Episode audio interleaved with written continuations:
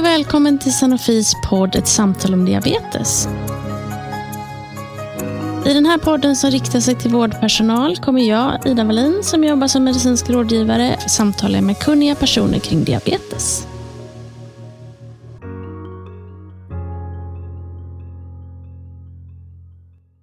I det här poddavsnittet pratar vi med Peter Adolfsson om träning och typ 1-diabetes. Eh, Peter är överläkare på Frölunda specialistsjukhus. Välkommen Peter! Tack så jättemycket! Kan inte du berätta lite om vad du gör till vardags? Ja, tidigare så arbetade jag bara med barn och ungdom eh, men med ett litet eh, speciellt fokus ibland på teknik eller på fysisk aktivitet. Men sedan detta året så arbetar jag också med vuxna och kanske fokus på unga vuxna.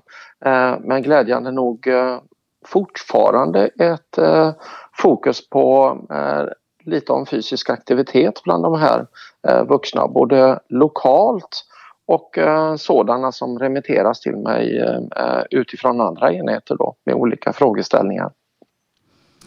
Ja, idag ska vi prata lite om, om fysisk aktivitet eller träning och typ 1-diabetes. Vad säger egentligen guidelines och riktlinjer om, om träning och, och spetdiabetes? Ja, de, de, är lite olika eh, beroende på om man just är barn och ungdom under 18 år eller om man är, eh, är vuxen med typ 1-diabetes. Eh, tittar man till att börja med på eh, barn och unga så är de rekommenderat att vara fysiskt aktiva minst 60 minuter per dag. Och då räknar man fysisk aktivitet eh, eh, till pulshöjande, det vill säga det ska vara en rask promenad eller eh, motsvarande. Sen kan det såklart vara cykelturer eller raska promenader. Det skulle kunna vara lek som är pulshöjande och målet är att få ihop totalt 60 minuter så det måste inte vara 60 minuter i, i rad. Och eh, den som tänker sig ett barn framför sig förstår ju att det här ser annorlunda ut om man nu är eh, ett lågstadiebarn eh, eller om man går i gymnasiet lite senare. Aktiviteten den ändras med tiden men eh, så också en annan bit som vi försöker undvika så mycket som möjligt och det är egentligen inaktivitet, the new smoking. Eh, när man sitter still framför en skärm allt för länge och eh, här ser vi vad riskerna hopar sig egentligen därför att vi har eh, en stor andel barn som inte kommer upp i 60 minuter per dag och eh, eh, vi har tyvärr eh, stigande siffror vad gäller inaktivitet. Ser man sedan till eh, den som har typ 1-diabetes och är vuxen eh, så är målsättningen 150 minuter måttligt ansträngande eh, fysisk aktivitet per vecka. Då kan man ju dela upp detta till exempel i två eller tre träningspass. De vuxna tränar lite eh, mer tydligt. Men här skulle det också kunna vara till exempel trädgårdsarbete. Riskerna med det moderna livet idag är kanske att man skaffar sig eh, en gräsklippare som går av sig självt och man försöker hitta på en rad olika sätt för att eh, slippa egentligen aktivera både hjärta och muskler. Men då finns det risker behäftat med detta därför att fysisk aktivitet det är den bästa medicinen egentligen för alla människor men så även för den som har diabetes. Då. För den som har typ 2-diabetes då, då kan man nog mer säga att där ingår ju fysisk aktivitet som en utav delmomenten i behandlingen egentligen från start för att försöka undvika utvecklingen utav den här sjukdomen. Eh, och, och där vill man hemskt gärna ha minst 30 minuter per dag eh, i, i, så fall. Och skulle man få eh, lite mer än så så är det egentligen bara av eh, eh godo. Så att eh, fysisk aktivitet är viktigt och viktigt att prata om på mottagningen så att eh, eh alla personer med diabetes också får en förståelse för att just det är viktigt. Jättespännande. Jag hakar på lite det där med inaktivitet. Finns det liksom några riktlinjer på hur länge man, eller när man måste resa på sig?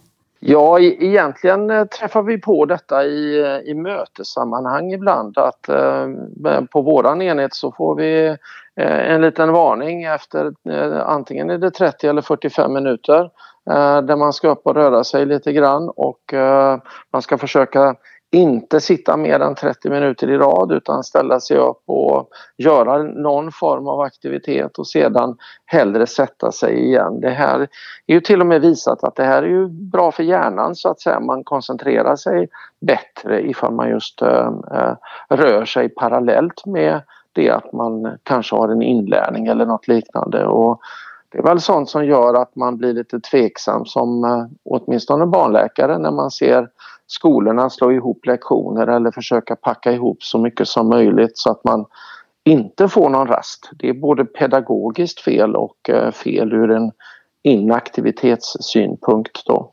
Eh, vi barnläkare tycker ju annars att eh, skärmtiden den ska inte överskridas. Vi ser på skolorna en hel del barn som får ont i huvudet är beskrivna som trötta och eh, de har ju faktiskt fått sämre kondition eh, till och med över tid.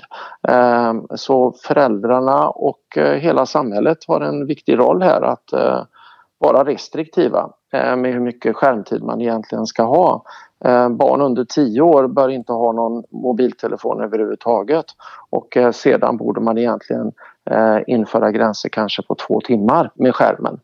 Sen finns det alltid argument om att ja, men vi har den när vi räknar matte eller vi har den i pedagogiskt syfte men eh, det jag pratar om nu det är ju mer Youtube och Skype och TikTok och annat då. Det är något som vi alla kan ta till oss tror jag.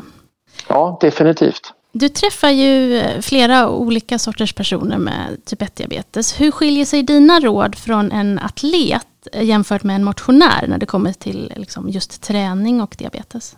Ja, vid, vid, första mötet får jag nog säga att det inte skiljer sig så där jättemycket. Eh, båda grupperna, både den som är vanlig motionär och den som är elitaktiv, de behöver ha en förståelse för eh, ja, delvis vad diabetes är och vad som utgör det specifika med till exempel eh, glukostransporter och liknande.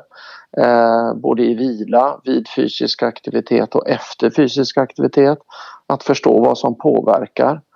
Sedan att förstå eh, hur motreglerande hormoner, det vill säga sådana som ska frigöra energi när man är fysiskt aktiv, både fett och, och glukos, det vill säga socker, eh, hur de funkar i olika situationer och eh, eh hur de här aktörerna egentligen ibland kan göra att eh, värdet till och med kan stiga under fysisk aktivitet. Och det är väl det sistnämnda som kanske elittränande träffar på lite mer ofta för de är mer i tävlingssammanhang. Eh, då får man diskutera mer förklaringsmodeller till varför sådana här saker sker och mer söka lösningar på att försöka hålla glukosvärdet inom rimliga gränser eller att lära sig korrigera ett högt värde. Eh, I mångt och mycket sedan så handlar det väldigt mycket om att hitta bra modeller för eh, regelbunden kolhydrattillförsel och att alla ska förstå att tidpunkten för måltidsdosen innan fysisk aktivitet den är väldigt avgörande till hur stor mängd kolhydrater man sen kommer att behöva ta var 30 minut till exempel. Så att eh, kanske lite mer specifika toppade råd om man pratar idrottsspråk till den som är elittränande. Vi pratar kanske lite mer också om prestation ifall man sysslar med idrott som pågår under väldigt lång tid eh, där man kan göra vissa val i början eh, på om man vill ha kolhydrater och fettförbränning eller om man bara vill ha en ren kolhydratförbränning för att optimera prestationen men i övrigt så ger jag nog eh, mycket av samma råd. Eh, det som är viktigt på en enhet när man ger de här råden det är att kunna sedan erbjuda en tät återkoppling. Eh, det går inte att se som tre månader igen och, och lämna personen vind för våg utan vinsten den kommer egentligen med en tät uppföljning. Då. Så det är liknande råd som du ger till en, en liksom ganska stor skillnad på olika personer? Är det det du säger? Ja. Eller finns det liksom ja. individuella skillnader som, man, som du tar i beaktan? också? Ja, det, det, det gör det ju också och det, det, skulle till exempel kunna handla om eh, målsättningen med fys den fysiska aktiviteten. Eh, för eh, en motionär så kan det ju antingen handla om faktiskt att gå ner i vikt, att de har den önskan och då brukar vi alltid diskutera Eh, är det kilotalet som är det viktiga eller är det egentligen fettprocenten eller fettmängden du önskar gå ner? För någon kan det handla om att eh, jag vill må bra. Och för den tredje motionären så kan det ibland handla om att de vill kunna prestera. Så det är väl i huvudsaken de sakerna som blir avgörande för råden egentligen och hur, eh, hur skarpt man ska gå med sina, sina, sina råd. Då, då. Men basic kunskap det behöver alla, eh, inklusive den som är elit. Då. Om man är elit, har man eh, till exempel man är elit, eh, nu hittar jag på något, friidrottare. Eh, har mm. man med sig sin läkare när man åker till OS? Nej, det, det, det, har man ju inte såvida man inte har ibland någon nörd lik jag sittande och som man har tagit kontakt med innan. Så att jag har ju funnits eh, för vissa personer eh, på distanskontakt eh, som har diabetes och är väldigt duktiga i sin idrott. Och då har vi till exempel haft sms-kontakt och man skulle kunna lösa detta även digitalt. Kanske tre, fyra gånger per dag och stämt av både sockervärdet och när olika tävlingar eller events går av stapeln och försökt planerat detta så bra som möjligt. Och det får jag väl säga för den som är elit. Det, det är ju nästan den vägen man borde gå. Eh, därför att det här är ganska komplicerat och eh, för den som har diabetes och sitter i den situationen så är ett sånt event eller en sån tävlingshelg eller intensiv träningshelg Eh, Eh, den blir ju väldigt fruktbar. Man lär sig väldigt mycket på, på de diskussionerna som förs i det skarpa läget då. Eh, sen hade man kunnat drömt om att vi hade återupptagit det vi hade tidigare i form av idrottsläger där man egentligen går i tre dygn och, och trimmar och lär sig utav varandra eh, inklusive de som föreläser då. Du pratade ju lite om att Eh, det är viktigt att tänka på tidpunkten för insulin och träning. Men det finns det något generellt man kan tänka på när det gäller just insulin, kolhydrater och fysisk aktivitet? Ja, det ena är väl att eh, det är betydligt lättare att skapa sig en bild över vad som, vad som ska hända om man nästan tränar i ett fastande tillstånd eller om det har gått två och en halv, tre timmar från en måltidsdos och en måltid. Eh, det är det enklare tillfället. Det är betydligt svårare att eh, veta vad som ska ske med glukosvärdet eh, låt oss säga en timme efter. Därför att ett snabbverkande insulin som man tar vid måltid eller vid korrektion det, det har ju sin högsta peak efter 45 till 60 minuter vanligtvis. Och att träna just i den situationen leder till att man behöver ta väldigt mycket mer kolhydrater än vad man behöver om man exempelvis eh, är fysiskt aktiv två till tre timmar efter måltiden. Eh, så jag brukar egentligen försöka hitta ett upplägg där man eh, får ett mellanrum mellan måltidsdosen och den fysiska aktiviteten och hellre kanske att måltiden innan fysisk aktivitet skulle kunna utgöras utav ett, eh, ett mellanmål, inte allt för stort mål så att inte dosen är för stor och istället att man fokuserar på att äta betydligt mer till exempel kolhydrater och inklusive proteiner efter den fysiska aktiviteten för att kunna balansera inför natten till exempel. Ja, och då blir ju det en, en form av kolhydrat som kanske inte då är i pulverform eller tablett eller? Nej, direkt efter en fysisk aktivitet om man hade gjort något rejält i två, tre timmar och om man ibland till och med kanske känner det att jag har lite svårt att äta potatis till exempel i, i stora mängder. Då, då, kan det ju till och med funka jättebra med sånt som man kanske inte äter vanligtvis, till exempel pannkakor. Eh, det är ett lätt sätt att få i sig både proteiner och, och kolhydrater. Och tar man det efter fysisk aktivitet som har varit tydlig under ett par timmar, ja då, då, ehm, blir det betydligt lättare att ha en bra sockerkontroll än om man skulle göra det en eh, fredagkväll när man har suttit still framför tvn. Så att lite grann kan man alltså leka med sitt kostintag och eh, välja snabbare kolhydrater efter fysisk aktivitet därför att då ropar musklerna efter socker. Mm, spännande. Det, de som lyssnar på den här podden, de eh, jobbar ju antingen på sjukhus eller på vårdcentral. Är det någonting avseende som fysisk aktivitet och diabetes som du skulle vilja speciellt dela med dig till dem? Ja, det är väl egentligen eh, några saker. Det ena är eh, försök avsätta lite tid för att skaffa kunskap om eh, just eh, fysisk aktivitet och diabetes därför att epidemiologiska studier borta i USA på väldigt många människor där man har sett att diabetes och allt högre sockervärde är förknippat med högre grad av hjärt-kärlsjukdom, högre grad av mortalitet i hjärt-kärlsjukdom. De visar samtidigt att inom varje nivå utav allt högre HbA1c-värde, långtidssockret. När man delar upp den gruppen i de som är fysiskt aktiva och de som är fysiskt inaktiva så har man ett riktigt högt HbA1c och är fysiskt aktiv så har man en lägre risk för sjukdom eller död än nivån under eh, om man ser till HbA1c och inaktiva.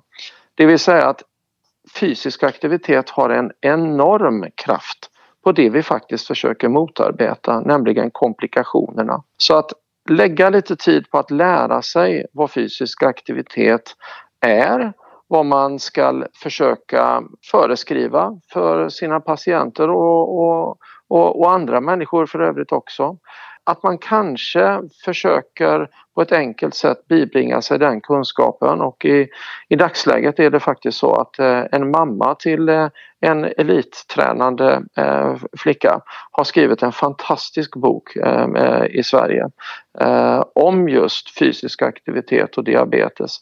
Där hon har beskrivit kolhydratintaget, insulinadministrationen, olika modeller, tips och tricks om hur man ska göra hon har gått igenom alla guidelines som finns om detta men hon har skrivit det på ett matnyttigt sätt för vem som helst.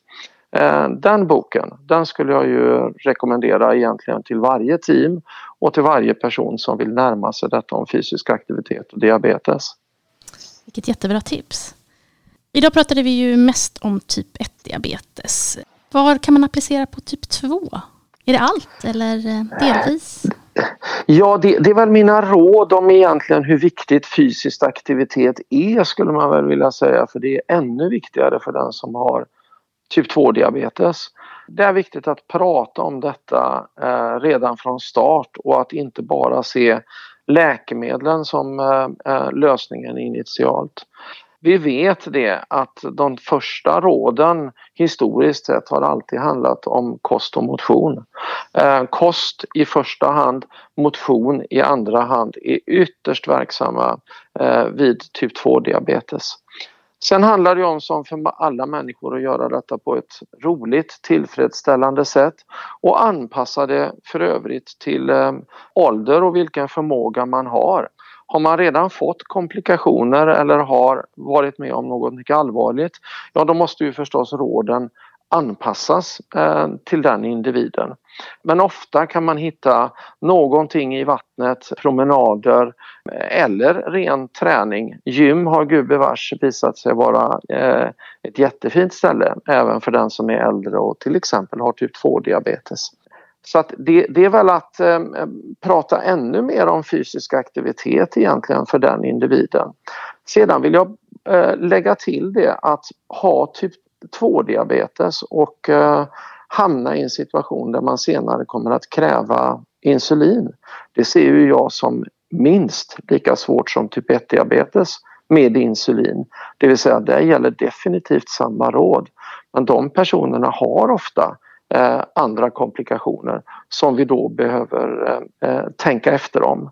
Så att eh, eh, mina kollegor som handlägger just de här personerna, det vill jag ju säga att det är bland det mer komplicerade som, eh, eh som finns. Så att där behöver man definitivt skaffa sig lite kunskap och jobba med den fysiska aktiviteten som är lämplig för den specifika individen man har framför sig. Avslutningsvis då Peter, vad ska du träna idag?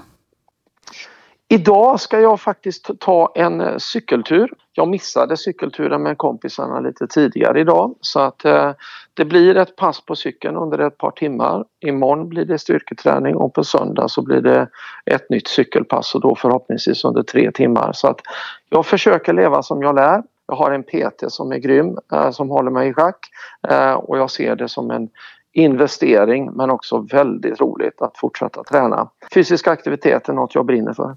Ja, det hörs. Tack så mycket. Tack så mycket. Om du önskar återkoppla till oss, hör då av dig till oss på ett samtal om diabetes.sanofi.com. Den här mejlen finns också länkad vid infotexten till vår podcast. Ett tips är att prenumerera på vår podcast så får du notiser om när nya avsnitt blir klara. Tack för att ni lyssnade.